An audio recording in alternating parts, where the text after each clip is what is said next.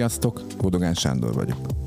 Ez itt az Alkotók Egymás Közt podcast, ami azért jött létre, hogy számomra érdekes emberekkel beszélgessek a fotózásról, a művészetről, az életről. Ha szeretnéd a benned rejlő alkotóművész látásmódját fejleszteni, akkor itt a helyed, tarts velem!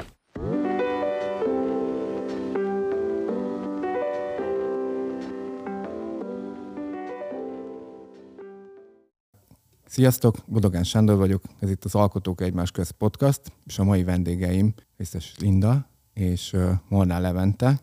Én őket onnan ismerem, hogy már a harmadik alkalommal kezdtük meg most decemberben az improvizációs képzést, és azért hívtalak meg titeket ebbe az adásba, mert bár nem feltétlenül kapcsolódik fotózáshoz, de ti nagyon sokat adtok nekem abban, hogy a mindennapjaimban is, illetve a fotózásban is nagyon sokat tudok ebből meríteni, mert ott, amikor fotózok, akkor nem csak az van, hogy alkotunk, hanem ott egy picit így szerepelni is kell, meg egy kicsit meg kell mutatnunk magunkat, meg föl kell oldani a másik embert, és ezért hívtalak el titeket, hogy egy picit beszélgessünk erről, és hogy kedvet csináljunk akár másoknak is ahhoz, hogy ez egy milyen szuper dolog.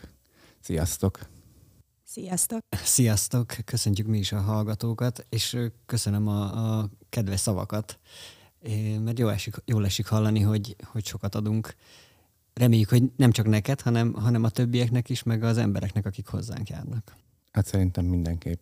Uh, én tegnap is megint úgy jöttem haza, mert minden hétfőn este van, és ez egy keddi felvétel, hogy egy picit megint be volt durranva a nevetőizmom. És ez, és ez szerintem egyik legcsodálatosabb érzés, hogy, és volt már több ilyen alkalom, hogy úgy jövök haza, hogy, hogy izomláz van a nevetőizmomba, és ez, ez nagyon szuper. Örülünk. Akik még nem ismernének titeket, ha egy pár szóban bemutatkoznátok, legyetek kedvesek, hogy, hogy kik is vagytok ti. Én Lisztes Linta vagyok, a Momentán Társulatnak a tagja. A Momentán Társulat az az improvizációs társulat, ami Magyarországon elsőként alakult meg így, mint társulat.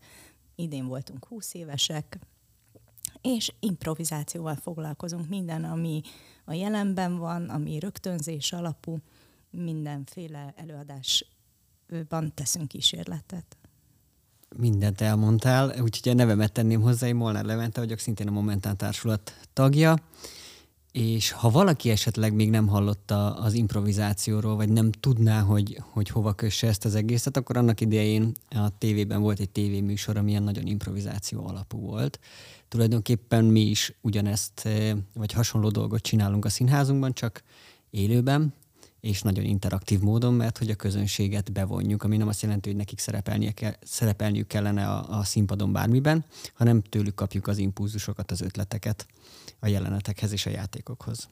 Hogy kerültetek kapcsolatba ezzel az egésszel, vagy hogy jött az életetekbe? A Momenten társulatnak az alapító tagjai mind a Földesi Margit dráma stúdiójába jártak, és mi ott ismerkedtünk meg egymással, és lettünk barátok, és még az improvizáció előtt volt egy kortárs irodalmi felolvasó est, amit közösen csináltunk, és tulajdonképpen a Momentán Társulat ebből nőtte ki magát. Jött egy ötlet, hogy hogyha nem felolvasó estet csinálunk, hanem valami mást, akkor csináljunk impro előadást, mert hogy annak idején azt hallottuk, hogy ez nyugaton, Angliában, meg az Egyesült Államokban ez nagyon népszerű dolog, és hogy akkor csináljunk mi is ilyet, mert hogy a Margitnál, a dráma stúdióban lényegében ugyanezt csináltuk.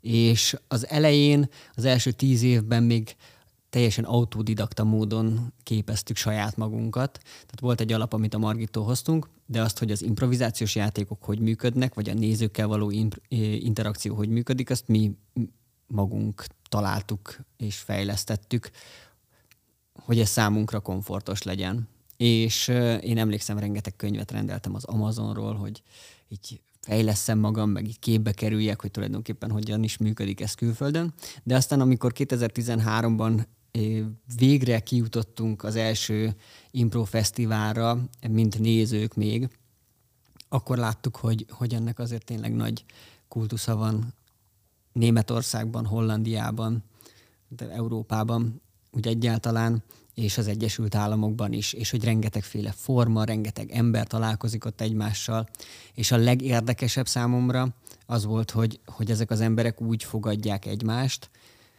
az impro, mint közösség olyan, mintha ilyen régi családtagok találkoznának egy ilyen összejövetelen hosszú évek után, úgy, hogy tulajdonképpen még csak életünkben először találkozunk. Igen, én később csatlakoztam a társulathoz, de én is Margittól ismerem őket. Én egyen lejjebb jártam lejjebbi csoportba, ezért nem volt olyan közvetlen szoros kapcsolatom, mint nekik. De nagyon tetszett bennük, hogy egy szoros baráti társaság volt. Egy kicsit a saját útjukon fedezték fel ezt az egész improvizációt, tehát nem először jöttek a szakkönyvek meg a tudás, tehát nem egy ilyen akadémikus ismerkedés volt ez, hanem valahogy már csinálták, és bennük volt, és akkor úgy szedték magukra, és ez nekem írtóra tetszett. Akkor nem is volt ennek hagyománya Magyarországon ilyen formában előtte, vagy azért voltak próbálkozások? Voltak próbálkozások, voltak olyan színházi előadások, ahol például az aznapi hírekre játszottak és improvizáltak a színészek. Volt egy angol társulat, akik angol nyelven játszottak, méghozzá a Merlin színházban, akik már ezt a nyugati típusú vagy amerikai improvizációs színházat csinálták, de mi voltunk az elsők, akik, akik társulatként, magyar nyelven olyan típusú improvizációs előadásokat csináltak, ami korábban még nem volt itthon. És hogy néz ki ma? Hogy kell elképzelni? Mondjuk oktatás szempontjából, mert hogy kicsit előre szaladok, mert én voltam már egy, egy vagy kettő ilyen alkalmon, de mondjuk ott nagyon rossz tapasztalataim voltak, így hogy ott egy picit el is uh, riasztott el az egésztől. És uh, én tavaly jártam pszichodrámára, és ott volt egy uh, nagyon erős tapasztalásom, meg félelmem egy játékban, ahol improvizálni kellett, és egy totális megfagyás volt. Akkor döntöttem el, hogy én tehát, hogy igyekszem mindig egy picit így komfortzónából kilépni, meg egy picit a félelmeimmel csak én szépen lassan szembe menni, és úgy kerültem hozzátok, az Aszalos Péterhez, meg a Hunya Csillához járt, jártam, és a, a Péternek a tesója talán a King az nálatok még volt valami tag. Ő volt egy ideig a társulatnak az ügyvezetője.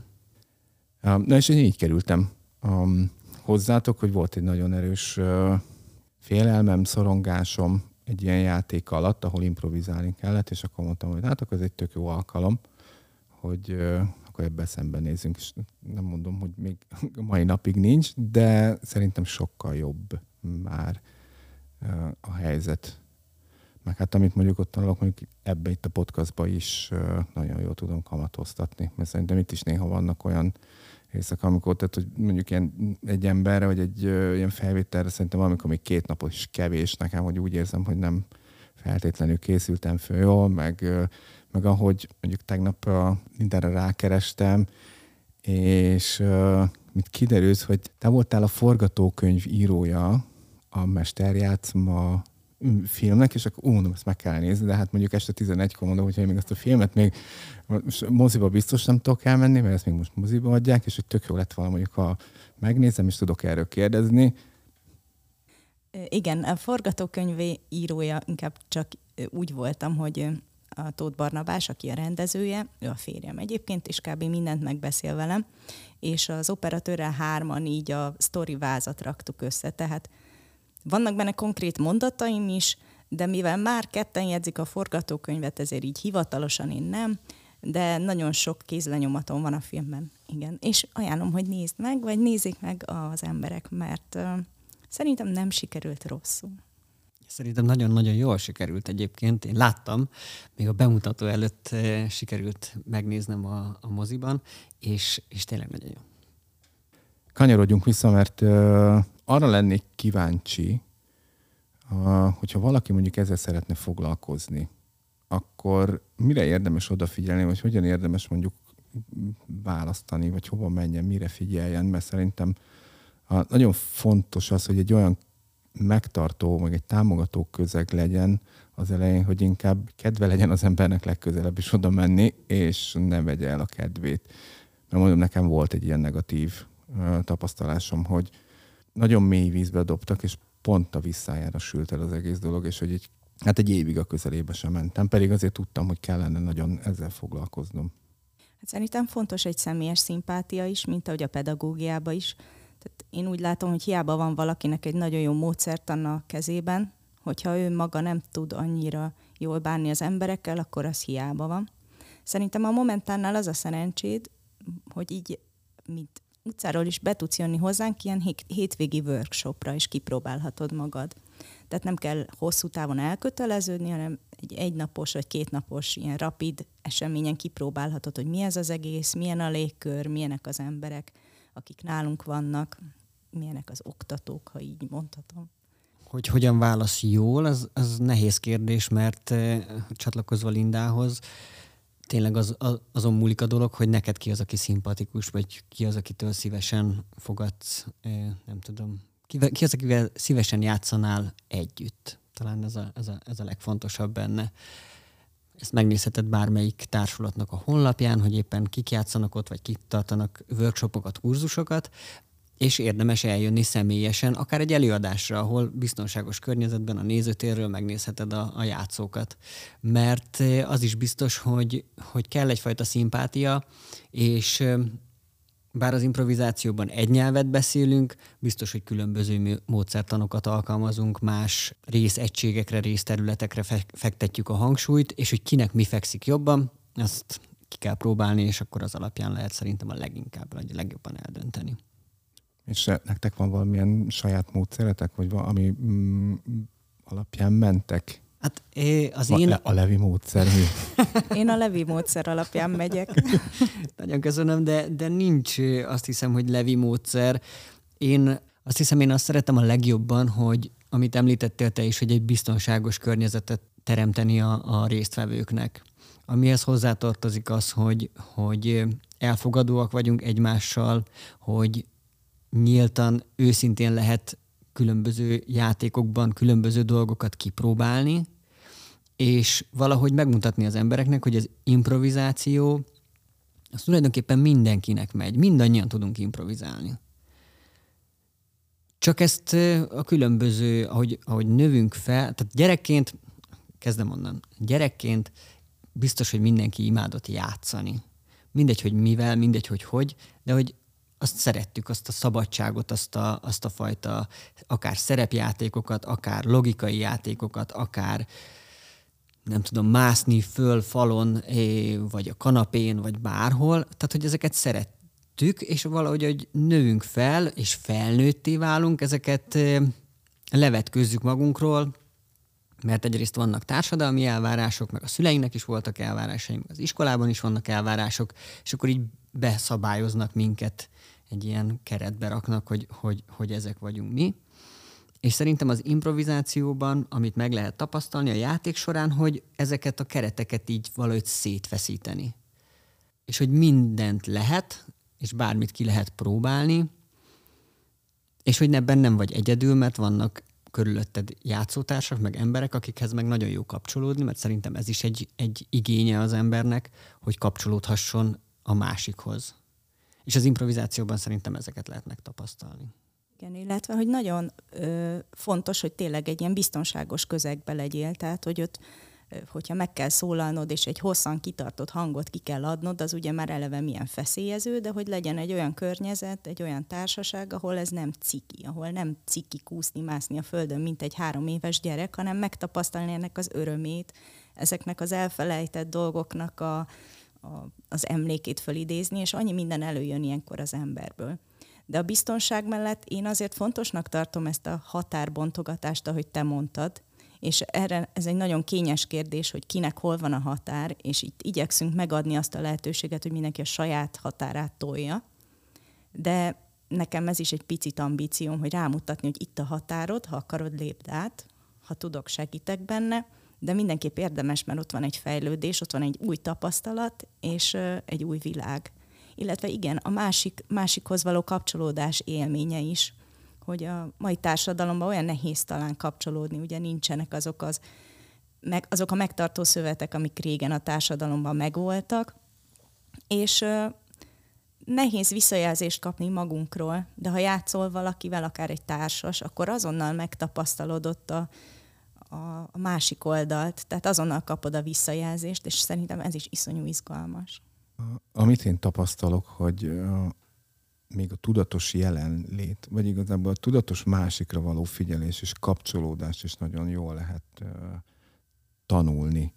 Mert sok esetben néha azt érzem, hogy beszélgetek valakivel, de hogy, így, hogy nincs jelen a testébe. És hogy itt, hogy tudj reagálni, meg tudj kapcsolódni a másikra, hogy így nagyon segíti a figyelést. Meg még itt a módszeretekre, amit én megtapasztaltam, hogy ilyen nagyon szépen lépcsőzetesen van fölépítve, tehát hogy nem egyből mély víz van, hanem hogy azt hiszem talán az első három alkalmon csak egymásnak a nevét mondogattuk, és hogy abból is, tehát hogy így felnőttként játszani zseniális, tehát olyan dolgokat tapasztalunk meg, hogy tegnap is, nem tudom, táncoltunk, és hogy annyira jó volt, hogy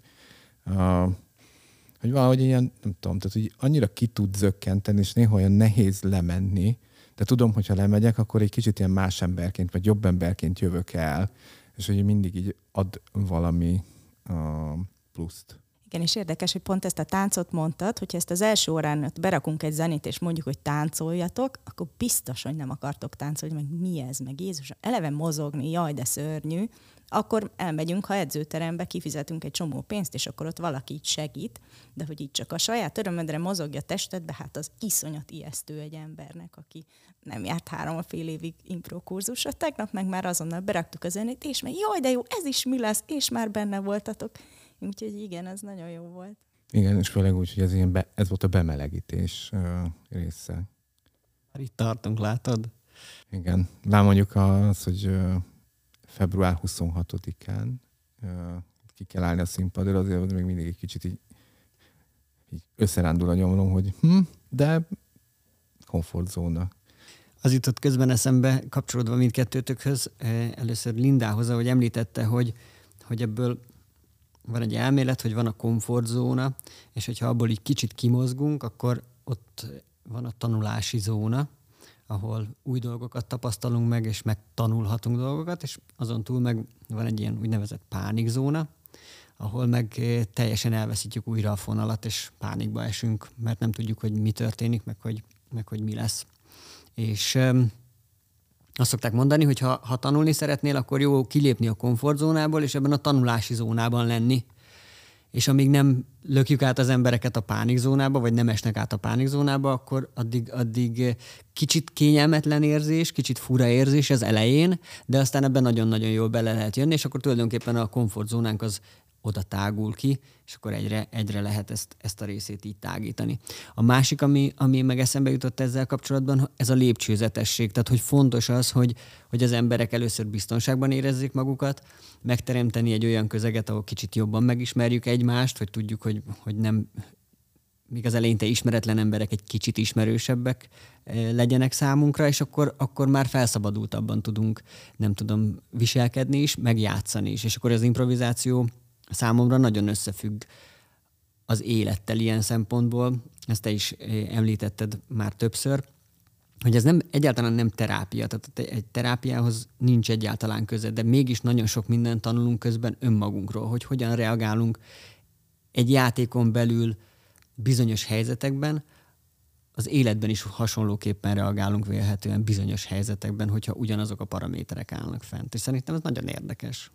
Illetve ez a 26 amit említettél, ez a ti mélyvíz előadásotok lesz, ahova meghívhatjátok az ismerősötöket, és kicsit így megmutathatjátok, hogy mit csináltok, mi ez az egész. Ez biztos azért olyan félelmetes egyrészt, mert még nem csináltad. És utána meg fogod látni, hogy jé, ez is ment, ezt is sikerült megugrani, és a stressz az nagyon sokszor leblokkolja az embert, az ismeretlentől való félelem. Tehát tényleg fontos az, hogy ellazult állapotban legyen az ember, hogy, hogy biztonságból tudja az ember elővenni azokat a dolgokat, amik egyébként minden emberben benne vannak. Nem feltétlenül beszédben, nem feltétlenül mozgásban lehet, hogy csodálatosan fest valaki, vagy nagyon szépen farag, vagy nem tudom, most más példa hirtelen nem jut eszembe, de hogy ezeknek a kibontakoztatásához szerintem tényleg kell egy biztonságos közeg, és annak a hite, hogy ez menni fog.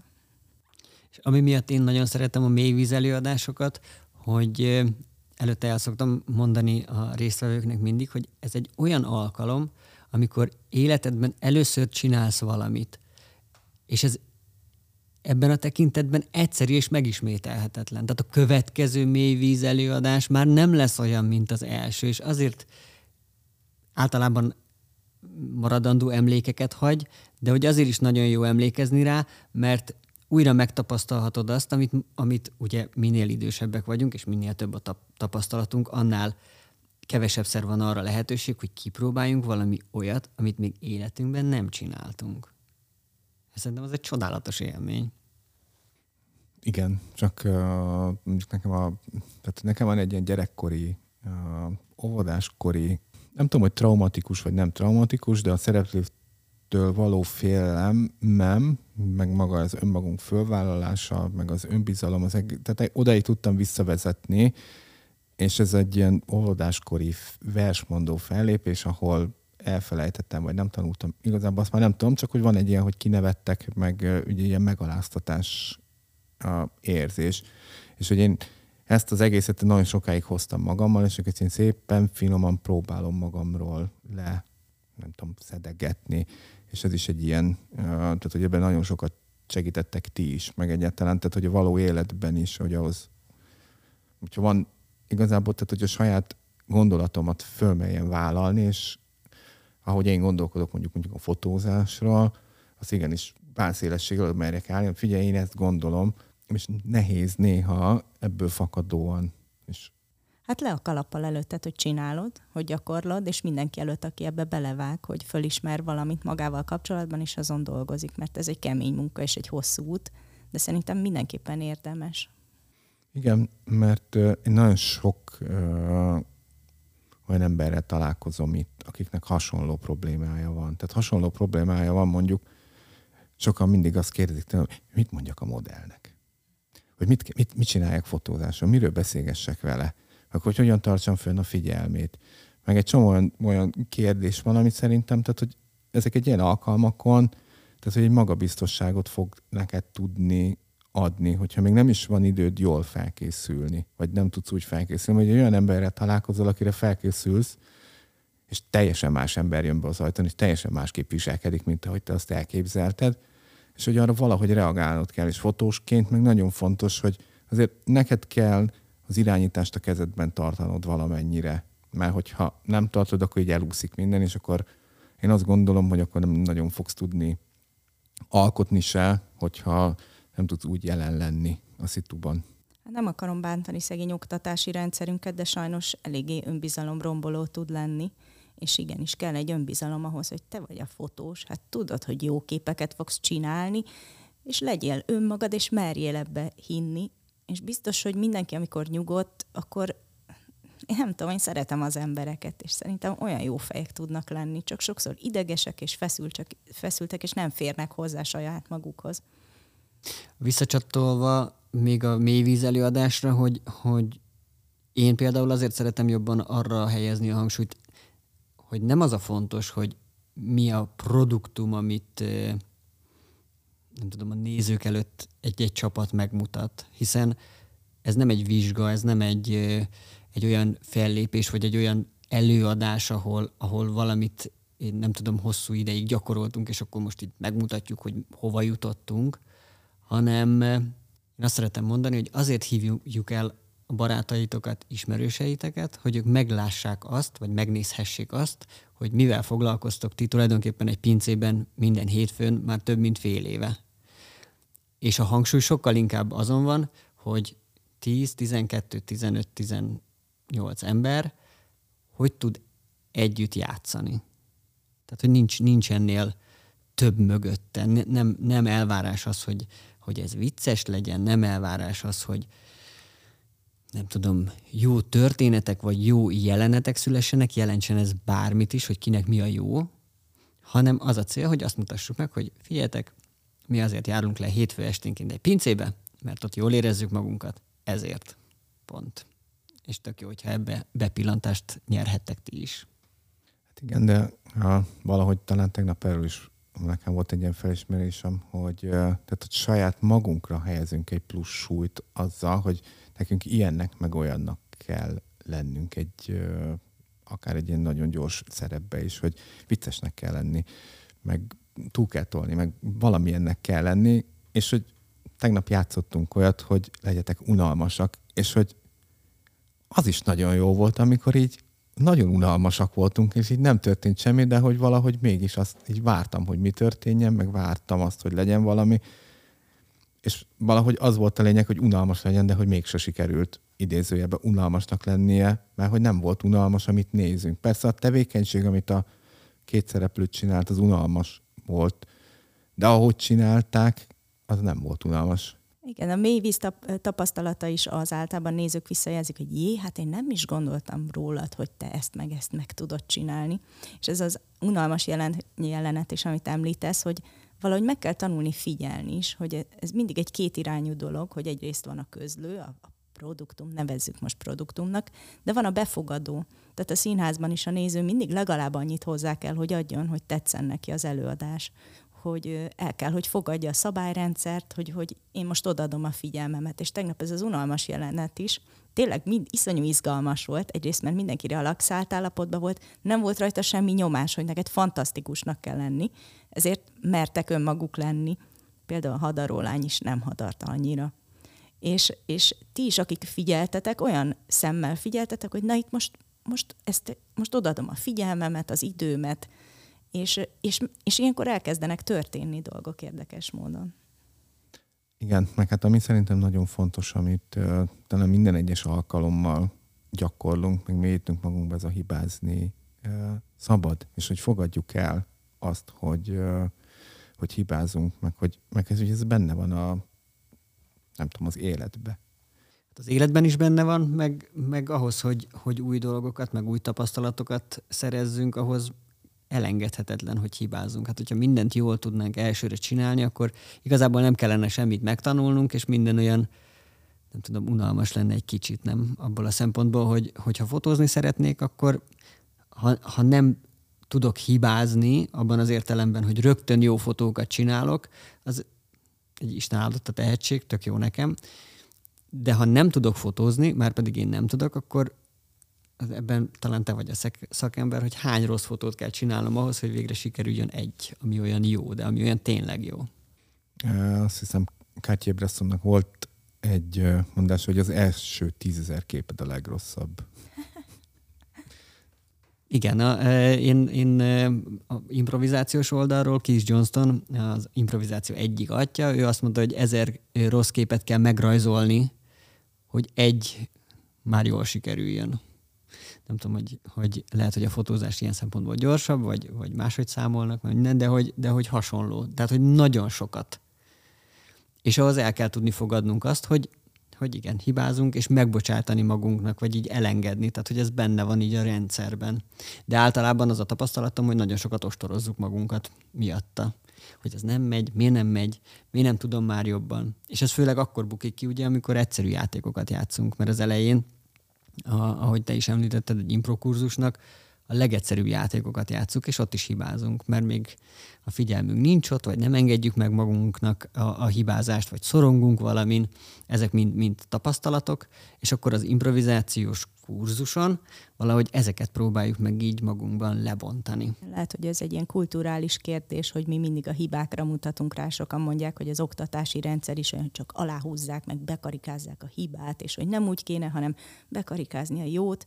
De hazajön a fiam, akkor ő is mondja, hogy hát egy, egyes lett a dolgozata a Levinek, a Levinek egyes, onnan tudom, hogy az övé hármas lett akkor, tehát hogy valaki többet hibázott, mint ő, tehát akkor ő nem is hibázott annyit, tehát ez a viszonyítási alap. Tehát valahogy erre vagyunk trenírozva, hogy hibáztál, bum, büntetés, hibáztál, buta vagy, rossz vagy, nem tudom.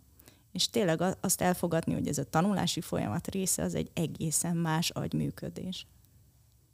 Szerintem itt nagyon jól meg lehet tapasztalni ezt, vagy legalábbis én. És persze bennem is bennem van az, hogy ez most lehetett volna jobb, meg amikor mondjuk ti is játszottok, akkor így... Bennünk is. Uh, Persze, ez, ez, ez természetes, hogy bennünk van, szerintem. Én, bennem is bennem van egy-egy jelenet után, hogy hát ez lehetett volna másként, meg jobb lehet volna talán úgy.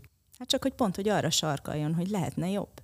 És hogy, hogy ne elvegye a kedvemet, hanem az, hogy ó, itt van egy hiányérzet, akkor ezt töltsük be. Igen, mert ez jelenthetné azt is, hogy észreveszed, hogy valami nem úgy sikerült, de hogy elfogadod, és teszel azért, hogy a következő uh, jobb legyen.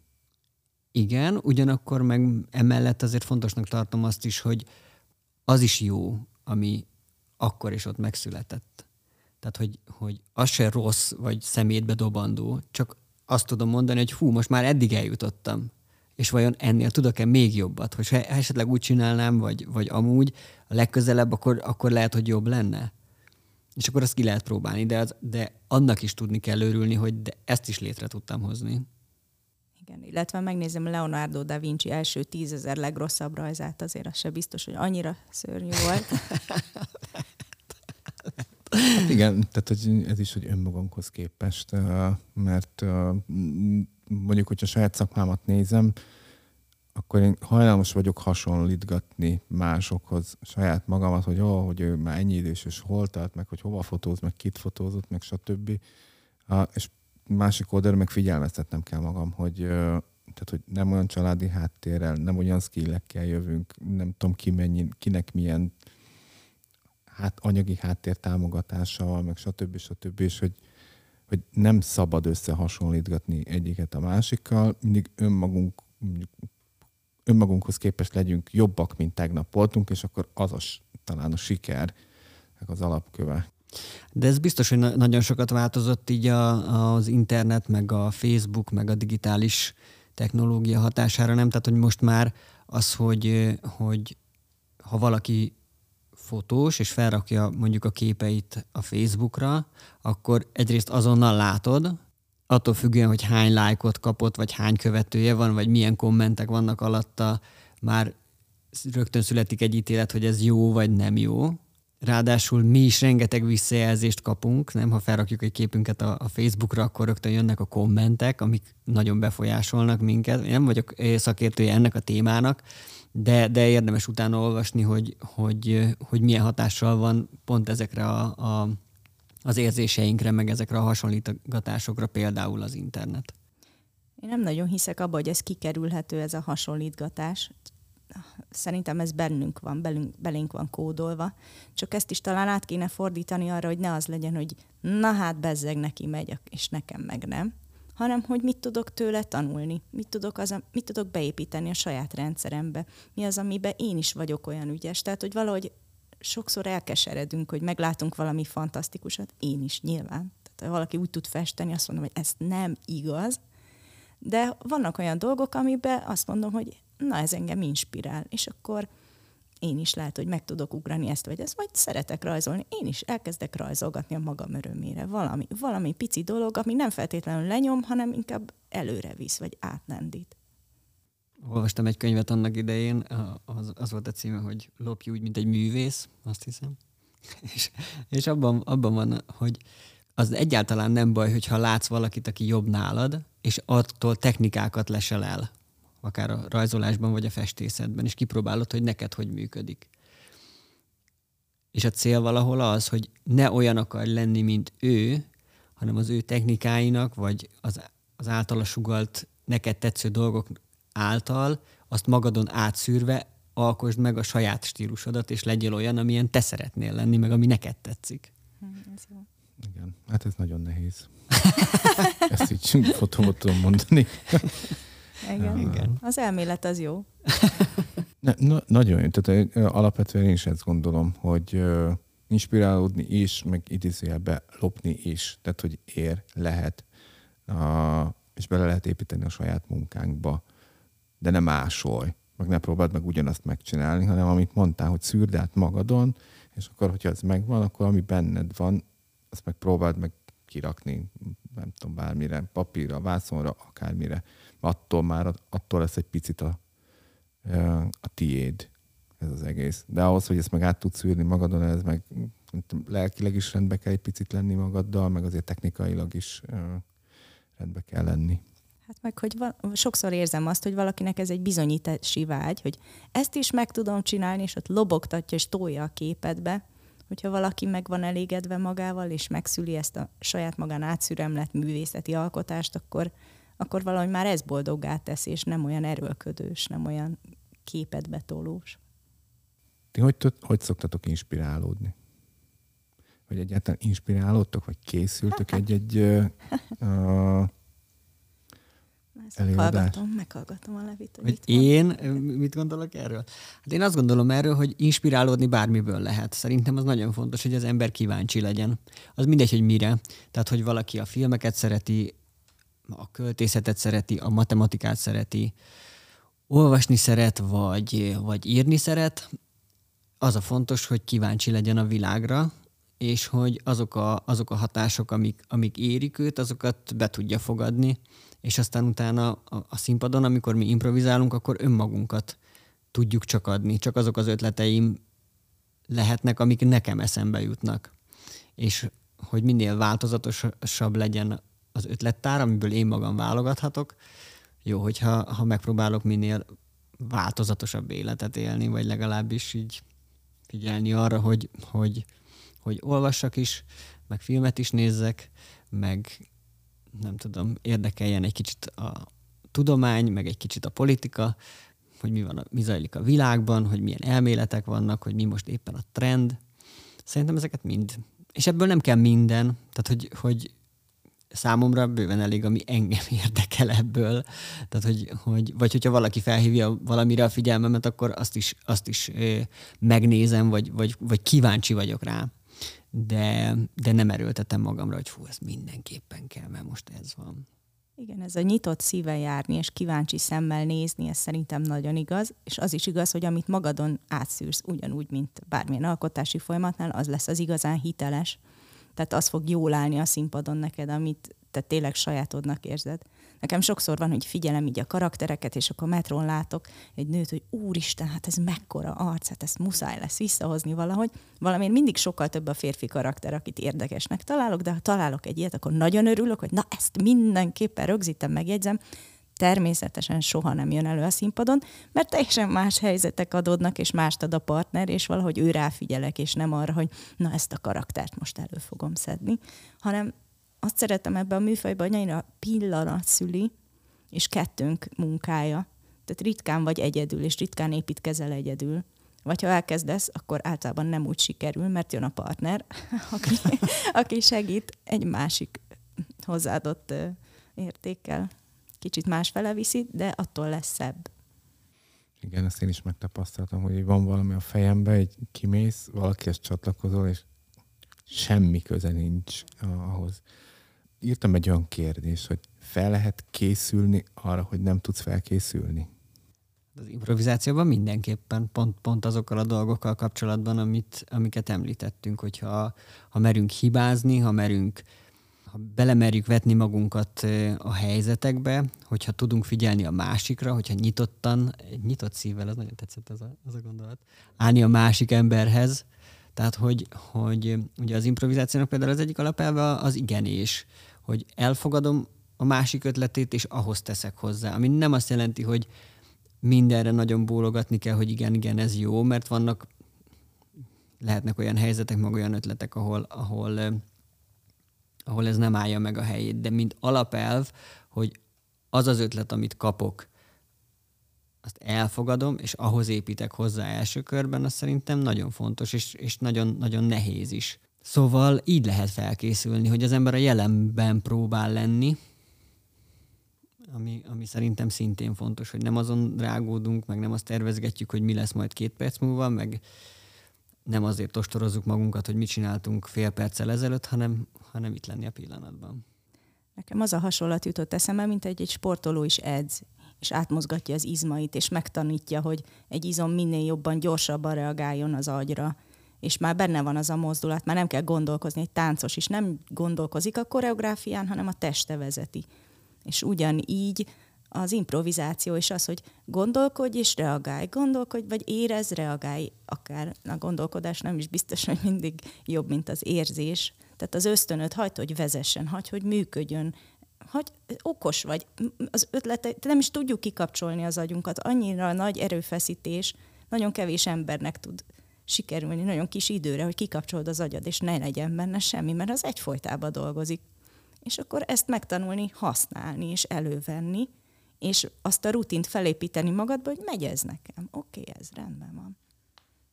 Tehát akkor, de gyakorlással akkor ez is fejleszthető, nem? Tehát, hogy minél többet játszol, annál ügyesebb vagy. Hát mondjuk ezt rajtatok látom, hogy a múltkor talán az az előző órán volt a kezes gyakorlat, és hogy egy hogy mennyire zseniálisat hoztatok össze itt a két percben, hogy Hát már, mert már nagyon sokat hibáztunk. Tehát minél többet gyakorlod, annál több hibát követsz el, annál többet javítsz ki, javítasz ki, és így tovább. Vannak ilyen emlékezetes hibázásaitok, ami mondjuk uh, színpadon történt meg? Egy fönn van a neten, azt majd lehet uh, berakom. Azt a mese? Igen. Szerintem hogy háromszor vagy négyszer megnéztem, hogy az annyira vicces. Tényleg az, tényleg az is. És egyébként szerintem az improvizációs előadásoknak az egyik átka, hogy, hogy ott a helyszínen, ami nagyon-nagyon viccesnek tűnik, az valahogy utána felvételről már nem annyira. Én nem, nem tudom pontosan, mi lehet ennek az oka, de, de ennek a, a mesének, amit említettél, hát az, az sokat szóra is. Jaj, tényleg nagyon jó. Igen, talán azért is, mert hogy annyira az a közönségszülés, annyira a személyes magunké az az előadás, amit ott csinálunk a közönséggel, hogy azoknak az embereknek jelent sokat, hiszen ők is beletették a saját szívüket és figyelmüket és lelküket. De igen, hogy a hibából erényt kovácsolni, ez is csodálatos, hogy néha a hibákból lesznek a legnagyobb ajándékok. Hogy nem, azt, nem gyorsan el kell maszatolni, meg elkenni, meg szőnyeg alá söpörni, hanem oké, okay, ez megtörtént, hát akkor, akkor ezzel mit tudunk csinálni? Így beépíteni a rendszerbe, igen. Hát olyanok, olyanok rendszeresen, vagy hát nem is rendszeresen, de azért előfordulnak, hogy ugye mi, mi szoktunk dalokat is improvizálni, és van olyan, hogy nem jut eszedbe a rím, de hogy... Vagy elmondta az előző ember pont ugyanazt a rímpárt. Igen, és akkor, és akkor már nem mered felhasználni, mert az meg milyen már. Tessék, pedig miért ne lehetne? De, de erről, erről most eszembe jutott, igen, hogy a múltkor egy, egy musical jelentet játszottunk, és meg volt az első sor, meg volt a, a második sorban egy rím rá, jött a harmadik sor, és jött a negyedik is, és mondom, erre valami rímet kell találni, és eljutottam az utolsó szóig, ahol, ahol már a rím jönne, és egyszerűen semmi nem jutott eszembe, úgyhogy ott volt egy ilyen kiállás, és akkor a partnerem bemondta a rímet. Neki nagyon könnyű volt, mert rajta nem volt az a nyomás, hogy rímet kellene mondani, hanem ő állt mellettem, figyelt, táncolt, azt hiszem, benne volt a jelenetben, és neki úgy, úgy jött, hogy hát oda az, az a szó illik, ami, ami ezt a, ezt a short rímét teszi, szóval stresszmentesen könnyebb. Nekem rendszeres hibám a nevekkel van. Amikor elhangzik egy név, hogy Sándor, és akkor három perc múlva, hogy a csudába hívták ezt az embert. És akkor ott van, hogy nagy kínomban mondok valami teljesen más nevet, és akkor szegény partner ott izzad, hogy ezt most hogy, hogy javítsa ki, hogy hogy indokolja meg, hogy hát ő Sándor István József. Ilyesmik. Szóval előfordul, mi is hibázunk. És utána ezt így kielemzitek magatokba, vagy például foglalkoztok, hogy ez így benne van, hogy jó, hibáztam, majd legközelebb jobb lesz? Hát, szerintem hibától függ, hogy, hogy rímeket lehet gyakorolni, mondjuk, ha, ha az előző példát nézzük, de benne van a pakliban az, hogy egyszer csak jön majd egy olyan sor, vagy egy olyan, nem tudom, helyzet, ahol mégsem lesz. Szóval ezért mondom, hogy, hogy amikor az ember már nagyon gyakorlott valamiben, akkor se tud száz százalékra menni, hogy ez biztosan sikerülni fog, és biztosan jó lesz. Hanem ott is benne van a lehetőség abban, hogy ez most éppen nem sikerült, vagy nem úgy sikerült. Nem tudom, hogy a nevekkel kapcsolatban van-e valami én még nem jutottam egyről a kettőre. Tréning vagy gyakorlat. És azt sem mondom, hogy nem ostorozom magam emiatt. Tehát sajnos igen, engem is van, hogy bánt a hiba, meg hogy aj, hát azért ennél lehettem volna egy kicsit ügyesebb, de megpróbálok ilyenkor talpra állni, hogy jó, majd legközebb talán tényleg ügyesebb leszek. És vannak olyan pillanatok, amire meg nagyon emlékeztek, hogy ez hogy egy ilyen meghatározó pillanat a színpadon. Még nekem van egy a Lindával kapcsolatban, talán az első előadás, amit ö, ö, veletek néztem, és volt valamilyen anyós jelenet, vagy nem tudom micsoda, ö, talán az volt, hogy veszekedtetek, és mondta az anyós, mert te voltál talán a feleség, hogy alig jöttök, csak havonta egyszer, és arra azt mondtad, hogy de mama, Londonban élünk, és ugye nekem annyira, annyira nevettem rajta, ez annyira zseniális volt, hogy hogy az Isten jutott eszedbe, de hogy ez, ez, ez nekem hogy valahogy én azt, azt vittem haza, hogy ez, hogy, hogy ennek akkora csodája volt, meg hatása volt uh, ott tök jó, hogy te ilyenekre emlékszel, én nagyon sokat elfelejtek, pláne magamtól, mert hogyha viszek is magammal valamit, akkor általában a partnerem, hogy hú, az mennyire jó volt, vagy a karaktere, vagy nem tudom. Ez egy fröccs előadás volt, ami kicsit egy ilyen lélekbúvár előadás. Van egy szakértőnk, egy pszichológus szakértő, aki mindig egy témát jár körül, és mi jeleneteket játszunk hozzá. És hát ilyenkor az ember rokonai nagy muníciót adnak. Tehát itt is a saját élményt tud dolgozni, nem feltétlenül egy az egybe jön ki, de egy-egy anyós mondat, egy menny mondat ilyenkor mindig eszébe jut az embernek, esetleg átalakítja egy kicsit. Vagy nagyon, én nagyon, én mindig, én az életből sose veszek sem. az nagyon jó egyébként, amit mondasz. Nekem ez is jól esik, hogy, hogy vannak olyan jelenetek, meg olyan pillanatok, amik így hosszú hosszabb távon megmaradnak a, a, a nézőkben, mert azért eh, mi elég sok előadást játszottunk már, nagyon sok jelenetet játszunk, és nekem is nagyon sok mindenki esik, tehát hogy egyszerűen így elfelejtődik. És eh, amik így emlékezetesek megmaradnak, ami most így eszembe jut, az eh, partnereim vagy a partnerem jelenetei, vagy reakciói, amikre aztán én, én teljesen padlót fogtam.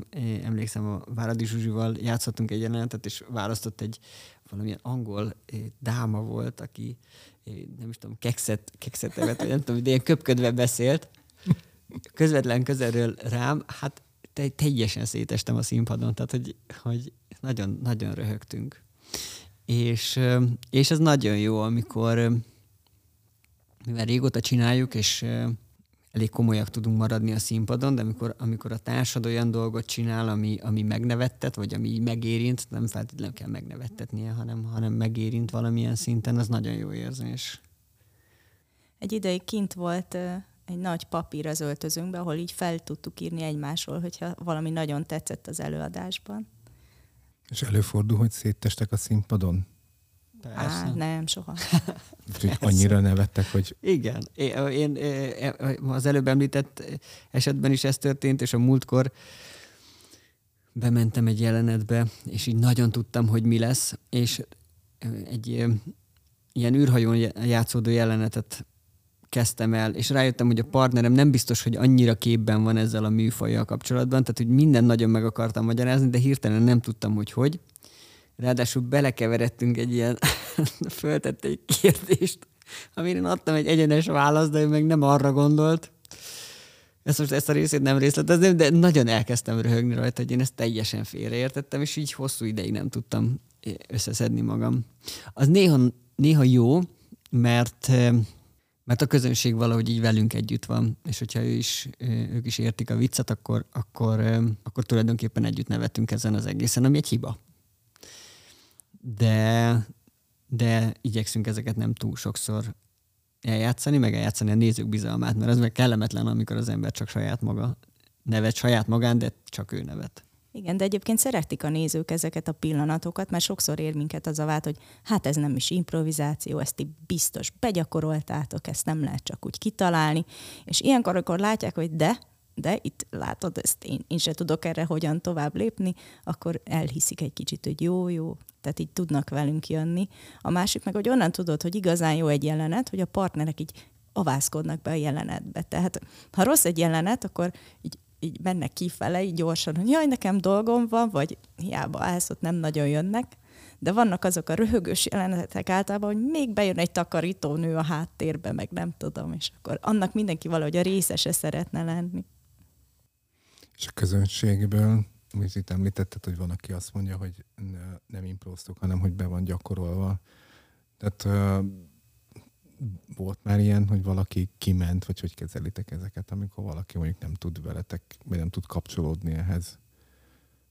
Nekem ez is mondjuk egy picit ilyen nyomasztó. Hát olyat szoktam látni, mit tudom én, az első sorban valaki karba tett kézzel ül, és látszik, hogy a felesége hozta el, aki néha ránéz, így megszeppenve, de ő nem, ő csak szigorúan néz, és elég sok esetben láttam, hogy jó, a második fél, fél időben, vagy második felvonásban már ő is lengette a fonott karját, és esetleg hát lehet, el is, nem is nekünk szólt. Hogy teljesen más dolga volt befeszül. Lehet. De hát biztos ment ki ember, talán egy, egyre emlékszem is. Nyilván az nem esik jól az embernek, de el kell tudni fogadni, hogy valakinek ez nem ízlése. Valaki Tarbéla filmeket szeret csak nézni, valaki nem szeret nevetni úgy, valakinek ez nem vicces, valakinek nem érti, valakinek alpári.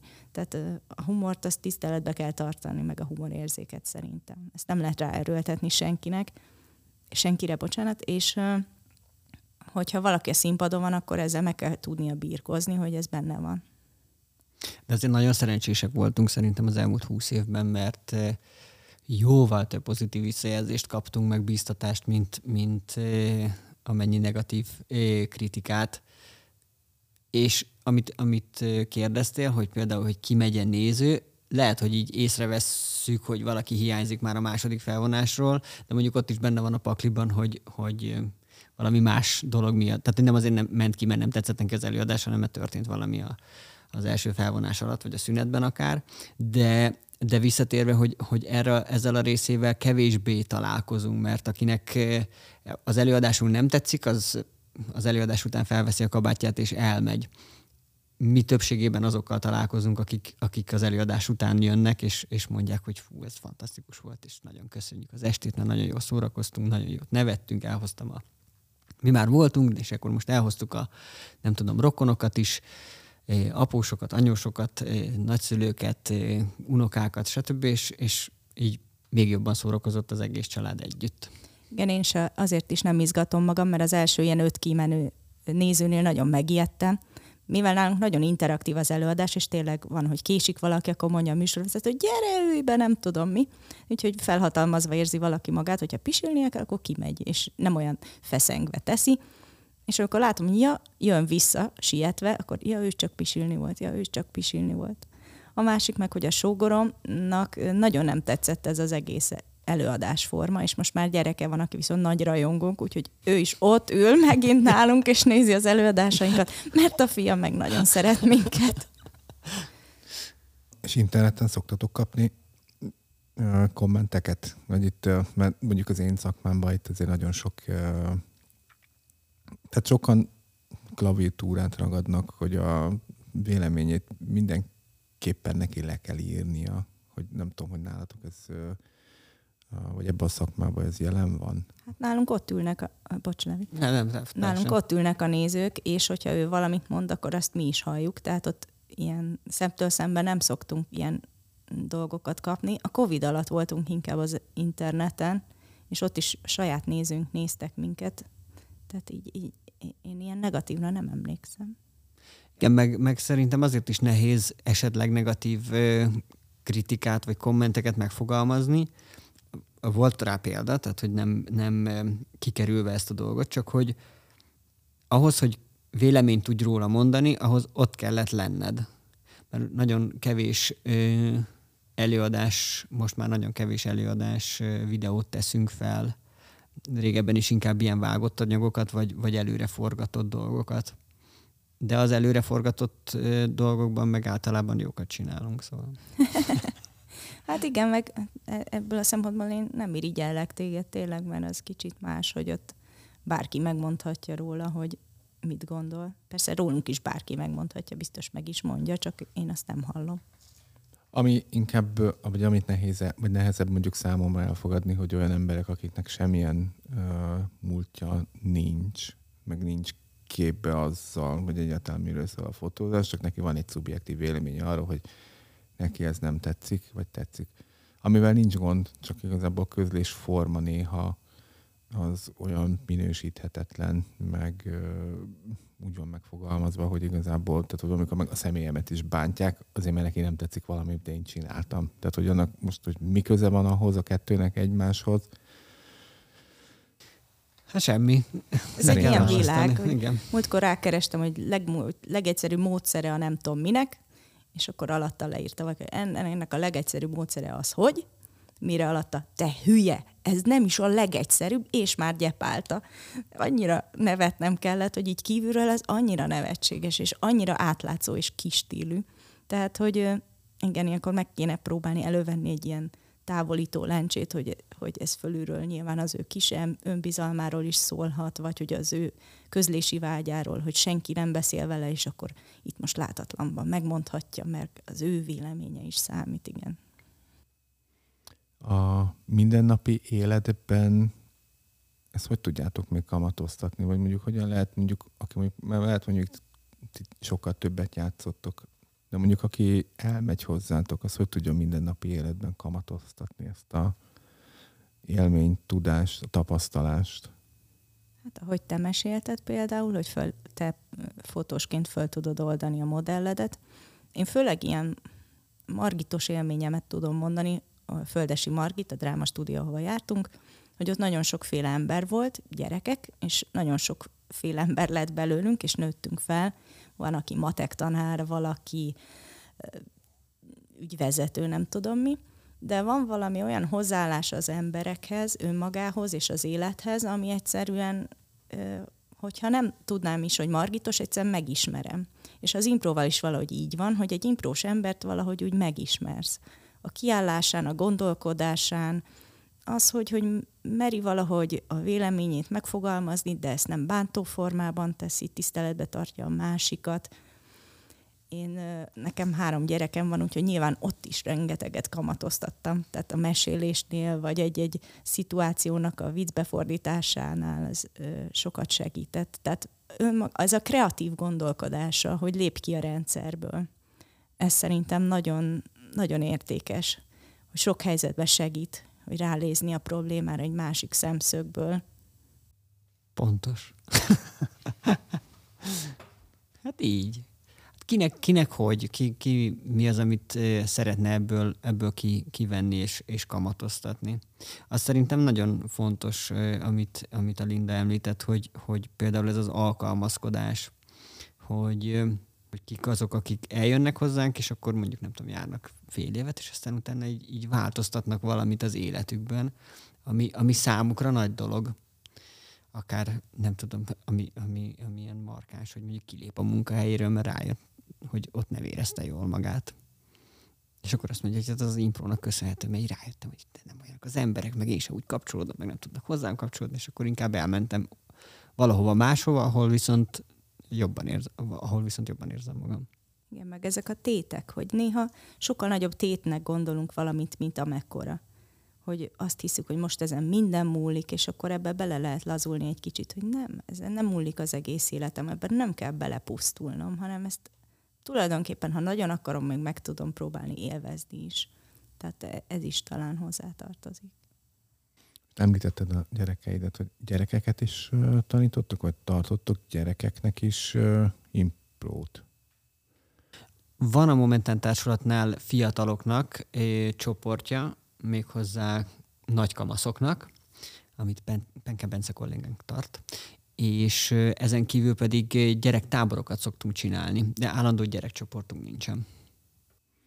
És javasoljátok a, mondjuk a szülőknek? Hát ha nagyon picik a gyerekek, akkor nem, akkor foglalkozzanak a gyerekeikkel. Inkább fektessék le, meséljenek nekik. De egyébként persze, tehát, hogy valahogy, mondom, ez a feszültség, ez oldódik minden területén az életnek. Gyerekekkel azért jó foglalkozni, meg én azért szeretek velük játszani, mert eh, amit a beszélgetés elején már említettem, hogy, hogy bennük természetesen van meg ez a játékosság, amit mi aztán a felnőttek felnőttként keresünk. És nagyon-nagyon jó látni, hogy, hogy a mostani fiataloknak, meg gyerekeknek hogyan mozog az agya egyrészt, meg hogy mi az, ami mozgatja őket, tehát hogy milyen hatások érik őket, és mi az, ami, ami már most így bennük van. Ez is rengeteget változott szerintem így a, a, a, az internet, meg a nem tudom, okos eszközöknek a, a térnyerésével, hogy, hogy rengeteg gyerek, nem tudom, YouTube-ozik, nem tudom, hogy melyik szülő tudja, hogy éppen a gyerek mit néz, vagy mit látott már, de nagyon sok mindennel így képben vannak, és egymás között is ezeket így, így nem tudom, megosztják és mutogatják. És az nagyon érdekes hallani egy, egy ilyen táborban, hogy őket éppen mi mozgatja.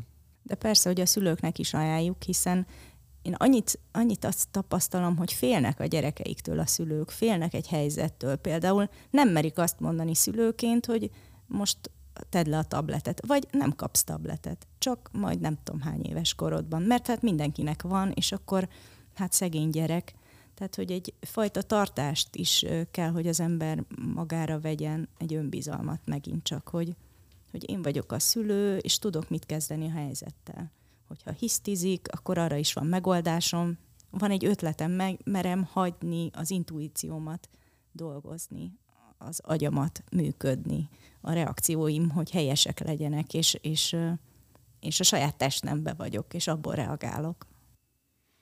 Igen, ez nagyon jó, amit mondasz, hogy uh, itt néha ki tudsz olyan dolgokat próbálni, amit amúgy tehát egy normál életben nem. Tehát, hogy nem tudom, tehát, hogy tegnap mondjuk, nem tudom, tehát, hogy én nagyon ritkán szaladtam egy lábon ordibálva életemben eddig. Uh, meg mondjuk a Juditra visszaemlékszem, hogy azért, nem tudom, 30x évesen ordítva csapod a lábadat, meg a kezedet a földhöz, és ordítasz, és hogy néha ez így jó, hogy kijön. Persze, de miért nem csináljuk? Nem mert, tudom. Hát mert, mert, mert megtanították nekünk, hogy ne hisztizzünk, nem? Az ilyen tipikus ilyen hiszti, nem lecsapod magad a földre, és így csapkodod magad, és ordítasz. Ja, mert mindig viselkedni kell. Ez az. De törzsekben van, van tábortűz, aztán ott táncolnak, meg üvöltenek, meg nem tudom, mozognak. Most már így, én is 40 fele, nem, nem tudok elmenni egy olyan helyre, ahol mit tudom én, még régen, amikor fiatal voltam, be tudtam menni egy diszkóba, vagy nem tudom, és nem néztek ide. Ma már be nem mennék egy ilyen helyre, ilyen öreg néni, mit keres itt, meg amúgy is. De kell az embernek, kell játszani, kell mozogni. Tehát én felnőtt játszótereknek is örülnék. Igenis, az ember fiatal belül mindig mondja a nagymamám, hogy ő nem öreg, és nem érzi magát öregnek, most már 90 éves lesz. És azt hiszem, hogy tényleg nem. És szerintem senki. Csak ennek kell, ter- kell teret hagyni. És nekem kell egy beszédtanár.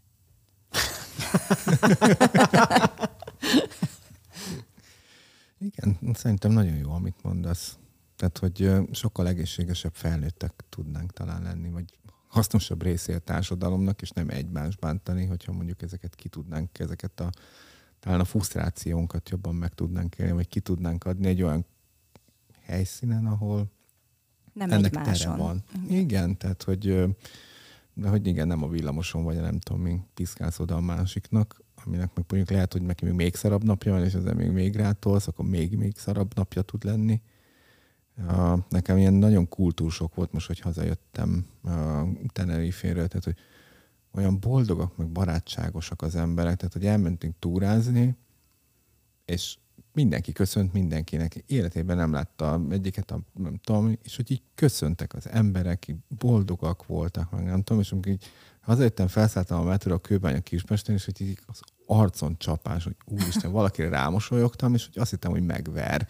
Jaj. Hogy, hogy, Na, de ezért vannak óriási különbségek. Egyrészt Nálunk is azért divatban van, nem? A köszönés, a pont ezt akartam mondani, hogy menj Magyarországon is kirándulni, mert azért köszönnek. Ott. Köszönnek. Hát ott igen, de én most pont tegnap találtam ki, hogy ki fogom rakni az üzenőfalra a fiataloknak, hogy köszönési kultúra magyarul, vagy valami. Mert hogy egy tegnap két olyan esetben, tehát hogy egy fiatal férfi, aki valószínűleg 20 év körüli, néz rám, így jön szembe, és így elmegy mellettem, mint hogy hogy se lennék. És hogy így annyit nem mond, és hogy nem az a utcán a borároson, hanem itt benne a házba, a folyosón. Aha. Hogy, hogy, hogy nekem ez ilyen nagyon furcsa volt, hogy tehát, hogy itt élünk ebben a házban, nem futár volt, meg nem tudom, de akkor is Hát igen, de lehet, hogy, hogy ugye így, így, mert így magunkra vesszük, vagy, vagy rávetítjük, hogy nem tudom, milyen nem köszönős bunkó. De lehet, hogy csak zavarban volt, és így hirtelen ő is azon gondolkozik, hogy miért nem köszöntem tegnap, úgy nézett rám az a férfi, és köszönnem kellett volna, de egyszer nem, nem tudtam, nem, nem mertem. Nem mertem köszönni a szakállos bácsinak. Igen, lehet. Hát de Magyarországon megszólít valaki, rögtön az jut eszedbe, hogy úristen, mit akar? Pénzt. Jézus Mária, mi lesz Nincs itt? apró. Olaszországban meg elmész, akkor ott kifejezetten alig várják, hogy valaki valahova hadd szólhasson valami. Biztos vannak ilyen kulturális különbségek is, de visszatérve még a nyaralásodra, hogy, hogy, hogy ott hány fok volt? Több. Ugye? Hát 20-25-30. De azért abban könnyebb vidámnak lenni, mint itt a mínusz 5-6-ban. Meg korán sötétedik meg ilyenek, szóval ez biztos hatással van ránk. Én mindig abban bízom, hogy amikor jön majd a tavasz, és melegebb lesz, és már hosszabbak a nappalok, mint ahogy most is, csak még hosszabbak, akkor ezzel már jobb lesz. És akkor mi is vidámabbak leszünk egymással is. Igen, de nekem fiatal ismerőseim, amikor még én is fiatalabb voltam, és ők cserkészek voltak, akik nagyon sokat játszottak, és szintén benne voltak a gyakorlatban.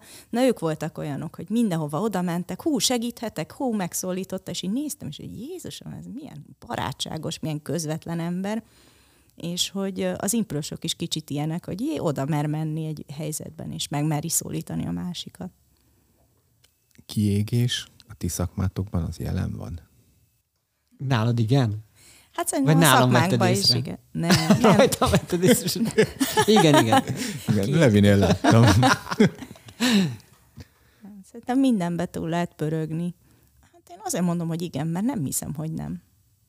Tehát ez a világ olyan színes, hogy itt minden előfordul, és nem akarom úgy, úgy beállítani, hogy ez egy csodaszer, ami mindenre megoldás, és ebben nincs, nincs fáradtság, nincs hiba. Lehet, hogy a másikból van eleged egy kicsit, olyan is előfordulhat. De akkor, akkor meg elő kell venni az emberséget, hogy jó, akkor ezen most át kell rágni magunkat, és meg kell oldjuk. Vagy biztos van olyan imprós, aki megunja ezt a szabadságot, meg ezt a másokhoz alkalmazkodást, és inkább ilyen keretek közé zárja magát, és rigorózus lesz, és elvonul valahova vidékre, csak hogy ne kelljen emberekkel találkozni, és a pillanatban lenni. Hát de nem, nem tudom, de... most viccelek nyilván csak, hogy, hogy biztos, biztos benne van. Én még nem találkoztam kiégett Imbróssal. De hát decemberben, amikor nagyon sokat perfózunk, vagy nagyon sokat játszunk, akkor például azt látom magamon, hogy elfáradok, és akkor van egy-két hét, amíg így azt érzem, hogy most így nem szeretnék semmit se csinálni. Hát az oké, okay, de az még nem, nem, nem, nem nevezném talán kiégés, vagy nem tudom. Minden hát esetre, ha akkor kiégtél, akkor nagyon akkor gyorsan. Klasszul, lángra, lángra kaptál aztán januárban. Szóval akkor, akkor én azt mondom, hogy én nem tudom a választ. Lehet, hogy nincs, lehet, hogy van. Így még nem tapasztaltam, magamon még nem tapasztaltam. Reméljük, hogy elkerül. Ja, és ti csak ö, saját kollégákkal játszottok, vagy van... Arra lennék kíváncsi, hogy mi van akkor, hogyha mondjuk valaki ö, antipatikus, vagy mondjuk nem tudsz hozzá úgy kapcsolódni hogy erre vannak, vagy nem tudom, módszerek, vagy bármi, vagy akkor igazából azt nem vállaljátok el? Ugye itt, itt több dologról beszélünk, csak azért, hogy egy picit így, így rendszerbe rakjam, hogy van, van úgy, hogy meghívott vendégeink vannak, mondjuk egy közéleti szereplő egy előadásban, de vele nem játszunk úgy a színpadon, hogy nem vagyunk egy jelenetben, hanem ő mesél az életéről, vagy, vagy egy adott szakterületről, amiről ő nagyon sokat tud, és akkor mi azok alapján játszunk. Ezt csak azért akartam, hogy, hogy szerintem valakivel játszani ez egy picit más, mint amikor, amikor én játszom ráadásul valakinek az életéről a, a kollégákkal, vagy a társaimmal. És akkor van, van olyan, hogy, hogy játszol olyan emberekkel, akik imprósok, csak más társulatban, vagy máshol improvizálnak, vagy akik még nem improvizáltak, hanem most éppen járnak valamilyen impro csoportba, vagy impro kurzus, és akkor vannak a színészek.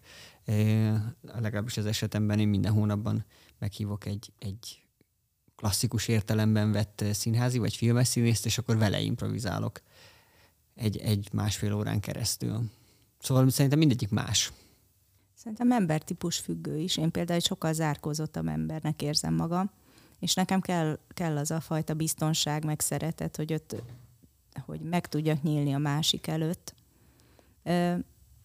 Én csak a momentánban játszom, és eddig csak ott játszottam, de időm se nagyon volt rá. Tehát még picik voltak a gyerekek, akkor így éppen erre tudtam így időt szakítani.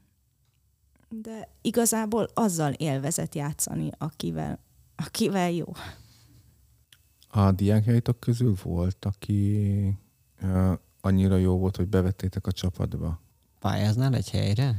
Nem, nem, nem, nem, nem, nem érzem az erőt, de fogom folytatni, tehát hogy ez mindenképpen, nem tudom, hogy ennek a ezután milyen folytatási lehetőségek vannak, de mindenképpen bennem van, hogy azért még itt van hova fejlődni.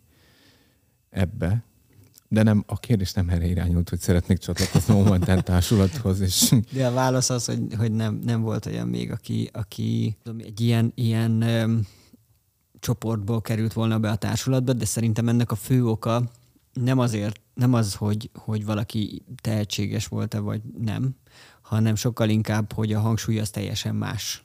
Azzal kapcsolatban, hogyha valaki eljön hozzánk egy, egy impro csoportba, akkor ott nem az a cél, hogy belőle impro színész legyen, aki majd aztán utána a színpadra áll, és akkor jeleneteket játszik, vagy ilyen-olyan formákban a színpadra áll. Mert akkor szerintem a, az a fajta kritériumlista, vagy bármi, ami, ami meghatározza, hogy, hogy, hogy velünk színpadra te tud-e állni, az teljesen más, és nekünk meg nem ez a, nem ez a fontos ebben, a, majd az, a csoportjainkban nem ez a fontos, hanem az, hogy az emberek játszanak, és hogy érezzék jól magukat egymással, meg más imprósokkal. És, és amikor volt, annak idején volt egy ilyen képzésünk fiataloknak, ahol azért válogattunk össze embereket, hogy, hogy belőlük aztán utána társulati tagok legyenek. Lényegében kicsit más útvonalon, de, de a Linda is így került bele aztán a társulatba, és még két fiatal, akik, akik most velünk vannak, Penke Bence és Kálikata szintén így kerültek be. De hogy az, azt mondom csak, hogy, hogy, hogy a csoportjainkban más, máson van a hangsúly. Igen, ez a közös világépítés, ugye, hogy egy jelenetben közösen építetek valamit, ez nagyon jól kell ismerni a másikat, vagy akkor jó az építkezés, akkor tudsz vele jól építkezni, hogyha nagyon közel álltok egymáshoz, és szinte a gondolatodat is ismeri. Akkor lesz szép ez, az, ez a jelenetépítmény, hogy tudjátok, hogy ó, most mit, mit akar a másik, és szerintem ezt már annyira megszoktuk egymáson, hogy így kényelmes. Ha most improról beszélünk, de gondolom az előadás előtt valamennyit készültök erre. Jól sejtem? Vagy, vagy, vagy egyáltalán meghúztok-e valamit? Persze, hogyha valami téma, tematika van, ami mesdjén mentek, de hogy előtte ott azért van valami, amit meghatároztok, hogy itt teljesen a, rábízátok magatokat a jó szerencsére, és az lesz ebből, aminek lennie kell. Hát részben igen, de csak annyiban, hogy, hogy nagyon sok képzésem, meg, meg nagyon sok, nem tudom, játékon vagyunk már túl. Tehát azért valamennyi tapasztalatunk, meg, meg alapunk van, ami annyit jelent, hogy, hogy nekünk minden hétfőn van tréningünk, impro tréning, ahol, ahol különböző formákban, de, de az improvizációval foglalkozunk, és abban fejlesztjük magunkat. És, és ezen kívül pedig van úgy, hogy egy-egy előadás előtt valamilyen játékkal így bemelegítünk, de szerintem az nagyon fontos, hogy, hogy valahogy így egymásra hangolódjunk az előadás előtt. Az, az, az, ugye úgy néz ki, hogy mondjuk ki van írva egy előadás este 7 órára, akkor nekünk legkésőbb 6 órakor már ott kell lenni technikai okok miatt, de hogy ott kell lenni. És akkor rengeteg dolog történik velünk. Napközben máshonnan jövünk, más érzelmi állapotban, más habitussal, és akkor ezeket egy picit így egymásra hangolni, meg, meg kicsit meglátni, hogy a másikban éppen aznap este mi van, az nagyon-nagyon hasznos, mert akkor tudom, hogy milyen reakciókra számíthatok tőle az előadás folyamán. Igen, a készülés az nem feltétlenül ott van rögtön előtte, hanem az előtte lévő időszakban, de az is inspirált ami aznap történt vele. Ha mond egy olyan mondatot, és az van, hogy már az öltözőben rögünk, hogy de ez történt veled, és akkor viccből is mindig visszajátszuk, és ez egy ilyen belső poén. De vannak olyan tematikus előadások, például a rendezők viadala, mit olyan filmrendezők viadala, hogy én majd western fogok rendezni, akkor így összeszedjük, ú, mi is az a western? És akkor mondjatok pár dolgot, tehát mit tudom én, egy ilyen ötletbankot összerakunk, hogy ja, abban ilyen kalapos emberek szoktak köpködni, meg lövöldözni, tehát egy picit ilyen közös világba legyünk, vagy közös állapotba legyünk. A Levi, említetted, hogy képzitek saját magatokat. Néhány szót mondanál erről? Hogy hogyan képzitek magatokat? Míg a, a társulat korai éveiben autodidakta módon, ami úgy nézett ki, hogy, hogy főleg én rendeltem könyveket az Egyesült Államokból, az Amazonról, mert rengeteg könyv jelent meg az improvizációról már akkor is, és akkor azokat olvasgatva, vagy kiszedtünk játékokat, és azokat így kipróbáltuk a leírás alapján.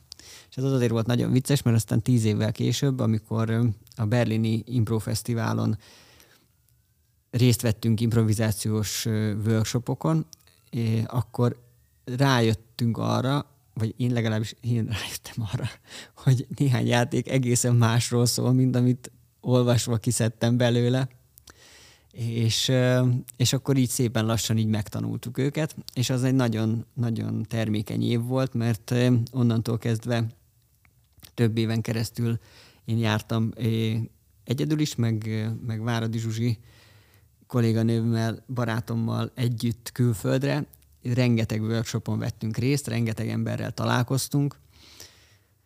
Tagjai lettünk mind a ketten egy fiatal imprósokból álló közösségnek, ahol csak Európából, csak, csak európai országokból fiatal imprósok összejönnek egy hétvégére általában egy ilyen központi helyen, valahol Európában, és akkor egy hétvégén keresztül így improvizálgatnak egymással, meg, meg, meg beszélgetnek, meg megosztják a, a nehézségeiket az impróban, egyéni szinten, társulati szinten, közösségi szinten, szóval, hogy egy ilyen nagyon, nagyon termékeny közeg volt éveken keresztül, és akkor ott lehetőségem volt játszani másokkal, olyanokkal, akiket nem annyira ismerek. És mindezt nem is a saját anyanyelvemen, hanem angolul és az is egy nagyon jó tapasztalat volt, hogy, hogy amikor nem anyanyelvi szinten beszélsz egy nyelvet, akkor minden egyes eszközt megragadsz arra, hogy a mondani valód az így átmenjen, és így a másik így megértse, és nagyon jó látni azt, hogy a másik meg minden idegszálával azon, hogy megértse, hogy mit akarsz mondani. És akkor ez, ezek, ezek nagyon-nagyon jó élmények voltak. Szóval így tréningeztünk autodidakta módon elég sokáig, és aztán utána pedig, pedig elkezdtünk tudatosabban, vagy még tudatosabban változtatni dolgokon, kitalálni új formákat, új játékokat. Rengeteg játék van az improvizációban, de mi is tudjuk, hogy rengeteg játékot mi magunk találtunk ki, vagy fejlesztettünk ki így az évek során. És akkor így heti rendszerességgel összegyűlünk, és akkor vagy játszunk, vagy elmegyünk valahova közösen, vagy, vagy csak beszélgetünk, vagy megosztjuk a problémáinkat, vagy egymásnak esünk, és kiabálunk, mint egy jó családban szokás.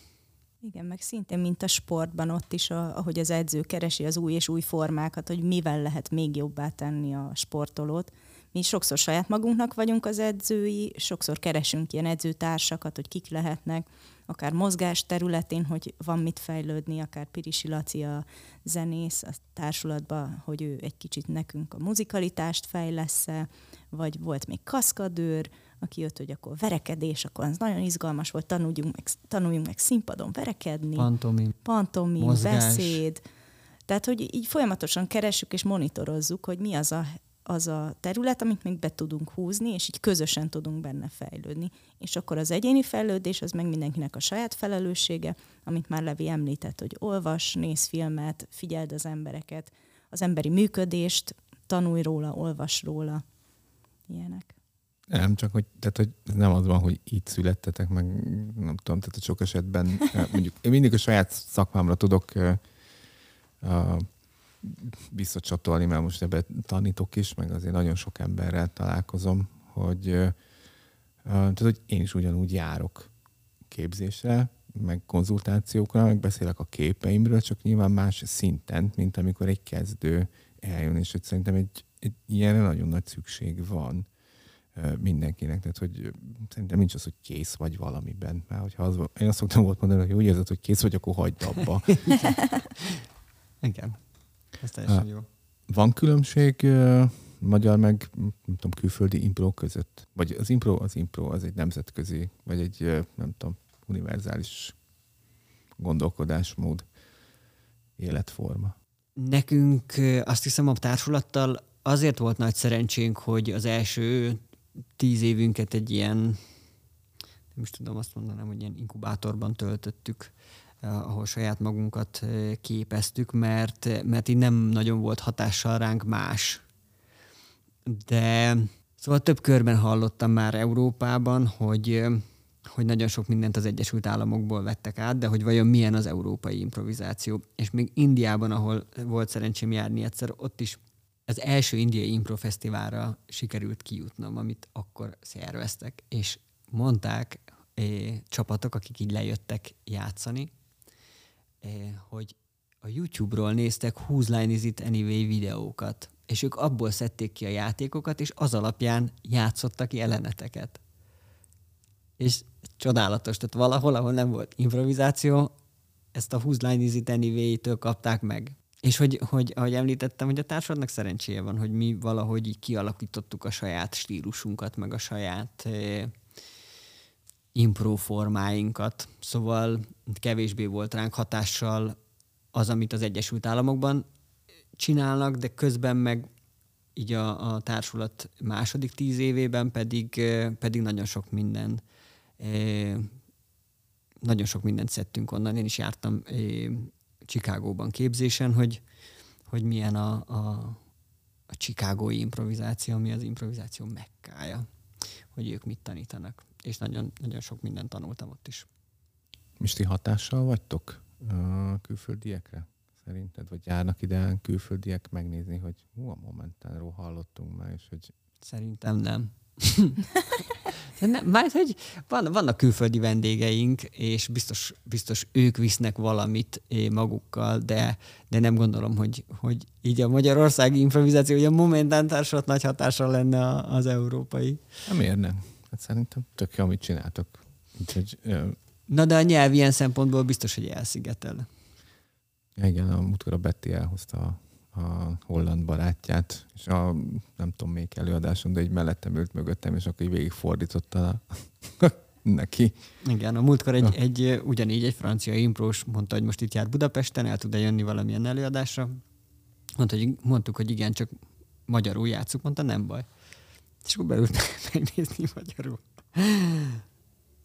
Azt mondta egyébként, hogy utána, hogy igen. Egyébként ő is szerencsére a, az egyik munkatársunk, aki ott volt, leült mellé és fordított neki. Persze nem, nem végig és nem minden, de hogy a, hogy a nagy részét. És, és mondta, hogy nagyon jó tapasztalatokkal megy el, mert hogy mi máshogy improvizálunk, mint ők, ahonnan jött, azt hiszem Franciaország déli részéről valahonnan. Záró kérdés kérésként én azt szeretném kérni tőletek, hogy egy nagyon pici betekintést adjatok már a hallgatóknak az improvizációról, mert nem beszéltük meg, vagy most itt az előbb egy nagyon picit beszéltünk róla, de hogy ezt én nem mondtam nektek, és ez igazából ez már impro, mert ezt most a beszélgetés közben találtam ki. Én ezt még tegnap este, meg ma délelőtt, amikor készültem, mert ez még nem volt a fejemben, hogy megkérlek titeket erre, hogy valamit uh, játszatok, bármit, ami, ami ezt a beszélgetést lezárja. Jó, ami szerintünk elég rövid, és még így a hang, hangban is átadja az élményt, hogy, hogy mi az, ami történik akár egy ilyen impro órán, vagy akár egy előadáson, hogy milyen típusú játékokat szoktunk csinálni, vagy hogy mi is ez a játék, amit csinálunk. Ezért egy szavankénti beszédet mondanánk. De a Linda fogja megmondani, hogy mi ennek a témája. Hát szerintem csak így elköszönünk egy kis összefoglalás, hogy miről beszéltünk. Á, tehát ennek a beszélgetésnek egy rövid összefoglalása és elköszönés. Ez a, ez a témánk. Igen. Jó, oké.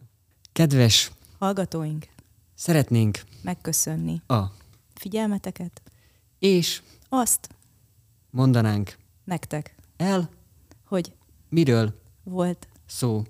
Volt például szó az improvizáció alapjairól, volt szó az improvizáció eszenciájáról, és hogy mik a legfontosabb alapelvek az improvizációban. Meséltünk nektek. Történeteket. Kérdeztünk. Válaszoltunk. Anekdotáztunk. Szóval mindenről szó volt. Köszönjük a figyelmet. Sziasztok! Na? Tök jó volt! Jó, hát nagyon szépen köszönöm nektek, hogy eljöttetek, és köszönöm szépen, hogy rám szentáltok az időket. Én a hallgatókat megbíztatnám, hogy menjenek el hozzátok, és próbálják ki, meleg szívvel ajánlom, mert a, mint szellemi fejlődésben is, meg testi-lelki töltődésben is szerintem nagyon sokat ad. Nagyon köszönjük, köszönjük, és a szép fotót is. Köszönöm szépen. Sziasztok! Sziasztok! Sziasztok. Ha tetszett az adás, keres további beszélgetéseinket a podcast platformokon, vagy iratkozz fel YouTube csatornánkra. Kövess minket a közösségi média oldalakon is. A Facebookon, az Instagramon és már TikTokon is jelen vagyunk. Weboldalunkon a fotosworkshopok.hu-n tájékozódhatsz az aktuális induló fotós képzéseinkről, gyakorló workshopokról, személyes előadásokról. A feliratkozó hírlevelünkre, újdonságainkról azonnal tájékozódhatsz, és a blogunkon is sok értékes, hasznos információt találsz. Ha pedig szívesen támogatnád a további hasznos tartalmak, értékes beszélgetések létrejöttét, akkor azt a Patreon felületén, egészen pontosan a patreon.com per Bodogán Sándor oldalon keresztül teheted meg. Köszönöm a figyelmet, szép napot és szép fényeket kívánok mindenkinek!